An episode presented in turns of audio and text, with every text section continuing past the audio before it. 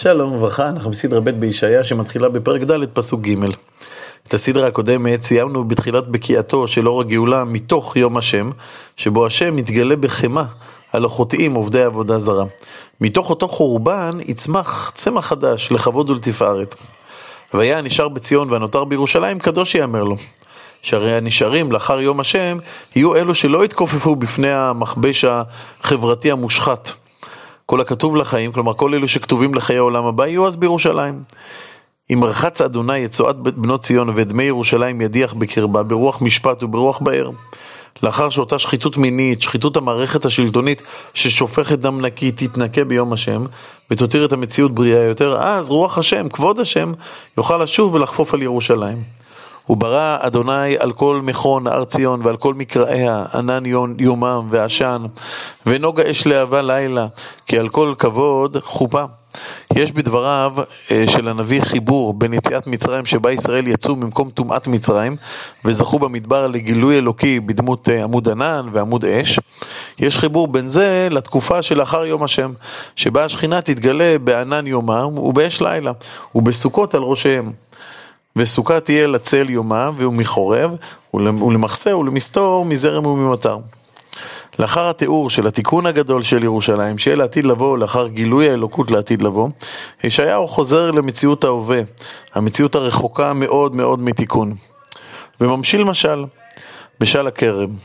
השיר ענה לידידי שירת דודי לחרמו. כרם היה לידידי בכרם בן שמן, ואותו דוד טיפל בכרם שלו במסירות רבה. ויעזקהו ויסקלהו ויתאהו סורק. כלומר הוא נטע בו נטיעות מעולות, והבן מגדל בתוכו וגם יקב חצב בו. היה אופטימי, היה לו ברור שיצא מזה יין משובח. ויקב לעשות ענבים ויעש באושים. הציפייה שלו הייתה שהכרם תיענה למאמצים של הכורם שלה. אולם הדברים לא הלכו כל כך בפשיטות. וישעיהו קורא לאנשי ירושלים לשפוט בינו ובין חרמו. ואתה יושב ירושלים ואיש יהודה, שפטו נא ביני ובין כרמי.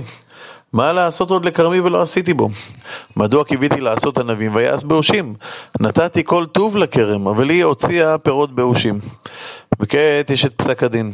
ראשית הכרם חטא לי בעליה, ולכן, ואתה הודיע נא אתכם את אשר אני עושה לכרמי. הסר משוחתו והייתה לבאר, פרוץ גדרו והייתה למר, והיה למרמס. כלומר, לא יפגע בכרם, אלא פשוט אני אסיר את כל ההגנות שאני עושה לה. אני אוריד את הגדר, והכרם תושחת. והשיתהו בתא ולא יזמר, לא יזמר ולא יעדר, ועלה שמיר ושיט. אז אה, בעצם אנחנו פוגעים בכרם בצורה כזאת, אבל זה לא, זה לא די בזה. כעונש, בעצם אה, יוטל איסור אחר, שהוא ממש איסור אלוקי. אני אטיל איסור על העננים מלהמטיר מטר על הכרם, ועל האבים אצווה מימטיר עליו מטר. וכעת מגיע הנמשל, שהנמשל כבר ברור לכולנו. כי חרם אדוני צבאות בית ישראל, ואיש יהודה נטע שעשועיו. כלומר אנחנו, עם ישראל, כולנו הכרם. והקדוש ברוך הוא הוא הכורם, שנתן הכל כדי שאנחנו נוכל להצמיח את הפנימיות שלנו. ויקב למשפט, והנה משפח. לצדקה והנה צעקה. כלומר, במקום שאנחנו נוציא מתוכנו אישיות של צדקה, אנחנו יוצרים במעשינו צעקה. בסדרה הקודמת ראינו כי בפוטנציאל עם ישראל יכול להיות המקור של המשפט והצדק לכל באי עולם. נאמר שם והלכו גויים רבים ואמרו לכו ונעלה אל הר השם אל בית אלוהי יעקב ויורנו מדרכיו ונלכה באורחותיו ושפט בין עמים רבים. אבל עם ישראל בוחר לוותר על הצדקה שהשם נטע בתוך ה-DNA שלו ולהופיע במקום זאת באופן מעוות צעקה. יש להעיר, למרות שלמדנו שלא כל הפסוקים ב... וכל לא כל הפרקים בישעיה מופיעים באופן כרונולוגי, סביר להניח שרובם אכן כתובים לפי סדר הזמנים, שהרי כך הוא בכל ספרי התנ"ך. אם אכן כך המצב, אז המציאות המקולקלת שמופיעה בדברי ישעיהו אצלנו, והמציאות שתתואר בהמשך, שנראה עוד מעט, מתרחשת בימים של המלך עוזיה, הצדיק. אתם ודאי מבינים שהעם שומע את ישעיהו ולא מבין מה הוא רוצה מהם. בהופעה החיצונית של הדור, הכל נראה להם בסדר גמור. ישעיהו מדבר פה על יסודות רקובים, אבל נורא קשה לראות יסודות רקובים כאשר אתה עומד על פני האדמה. נמשיך. לאחר שראינו כיצד ישראל בוגדים בעצמיותם ובוחרים ברע, כיצד במקום צדקה הם יוצרים צעקה, פורצת מפיו של ישעיהו סדרה של קינות שמתחילות בקריאה, בצעקה, הוי! נקרא, נקרא אותם. הוי מגיעי בית בבית. שדה בשדה יקריבו. אנשים בונים את הבית שלהם בצמידות לבית שכנם. הם מצמידים את גידולי השדה שלהם לשדה השכן שלהם. עד אפס מקום.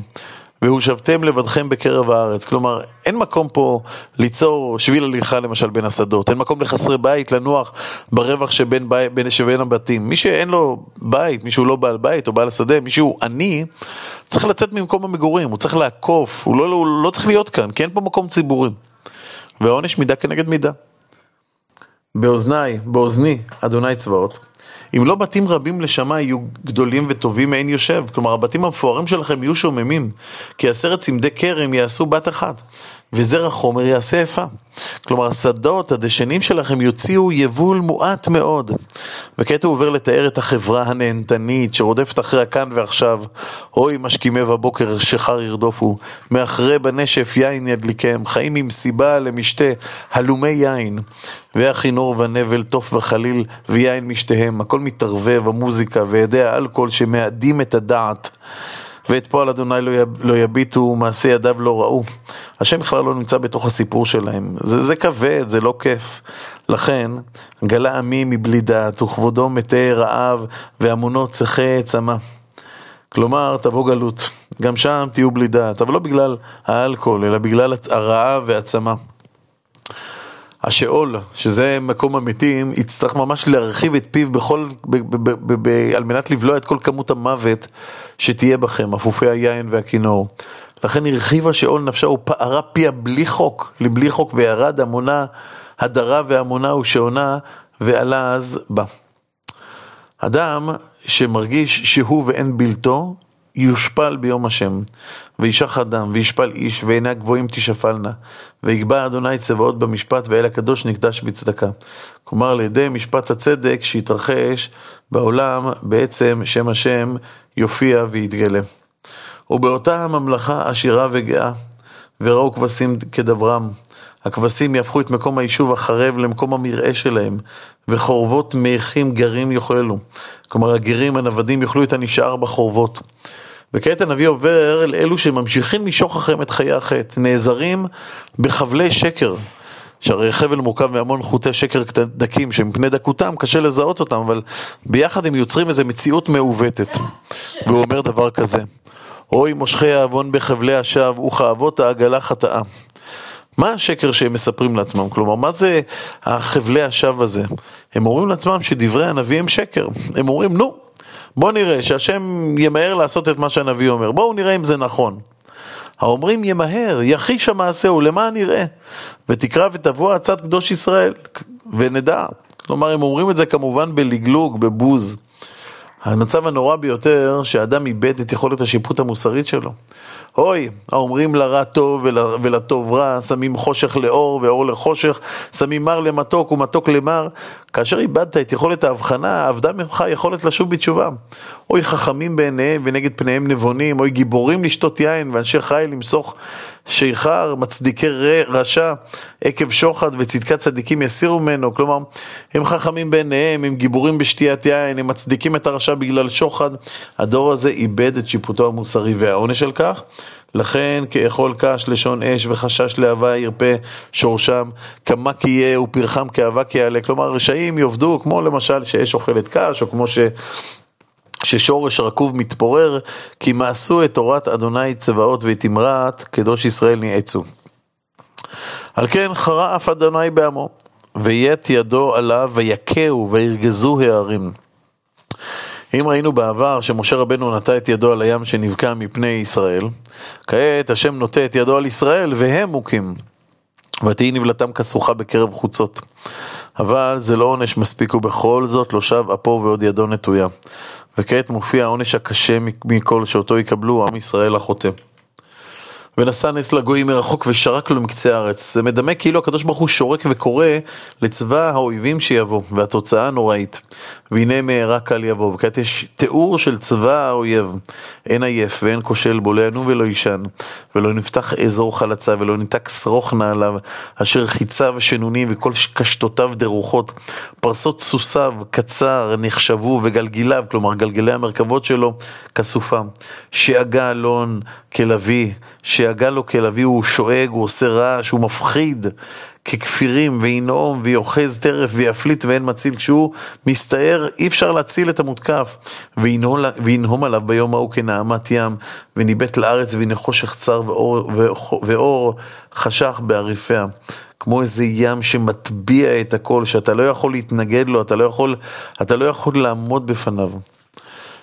אה, עד לכאן נבואת החורבן הנוראית הזאת שבעצם מתארת את מה שיקרה הרבה הרבה הרבה שנים אחר כך בכיבוש של חיל אה, בבל את אה, ממלכת יהודה. כעת אנחנו מתחילים את הנבואה הבאה, שמתרחשת בשנת מותו של עוזיהו.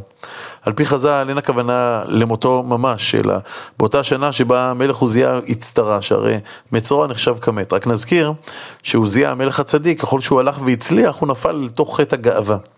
עד שהוא חשב להקטיר קטורת. הכהן הגדול ואיתו 80 כהנים, כשהם שמעו שהוא רוצה להקטיר קטורת, הם הופיעו במקדש והוכיחו אותו על כך שהוא רוצה בעצם לקחת כתר כהונה. אה, דרשו ממנו לצאת מהמקדש. אבל כשעוזיהו בכעסו המשיך במעשיו, זרחה במצחו צרעת. הוא הוצא מהמקדש ונותר מצורע עד סוף ימיו, כאשר את תפקיד המלך בפועל מילא בנו יותם. באותה שנה ממש הייתה רעידת אדמה נוראה שהחריפה חלקים גדולים מירושלים. רש"י מלמד כי הארץ רעדה עם זריחת הצרעת בעוזיה. בוא נקרא. בשנת מות המלך עוזיהו, וירא את אדוני יושב על כיסא רם ונישא. ושוליו מלאים את ההיכל. ממש כבהיכל המלך, מדמה ישעיהו הנביא את היכל מלכו, מלכו של עולם. שרפים עומדים ממעלו, שש כנפיים, שש כנפיים לאחד. בשתיים יכסה פניו, ובשתיים יכסה רגליו, ובשתיים יעופף. מדוע הקדוש ברוך הוא מראה לישעיהו מראה שכזה? מה עניין המלאכים האלה? זאת ועוד בעזרת השם בסדרה הבאה.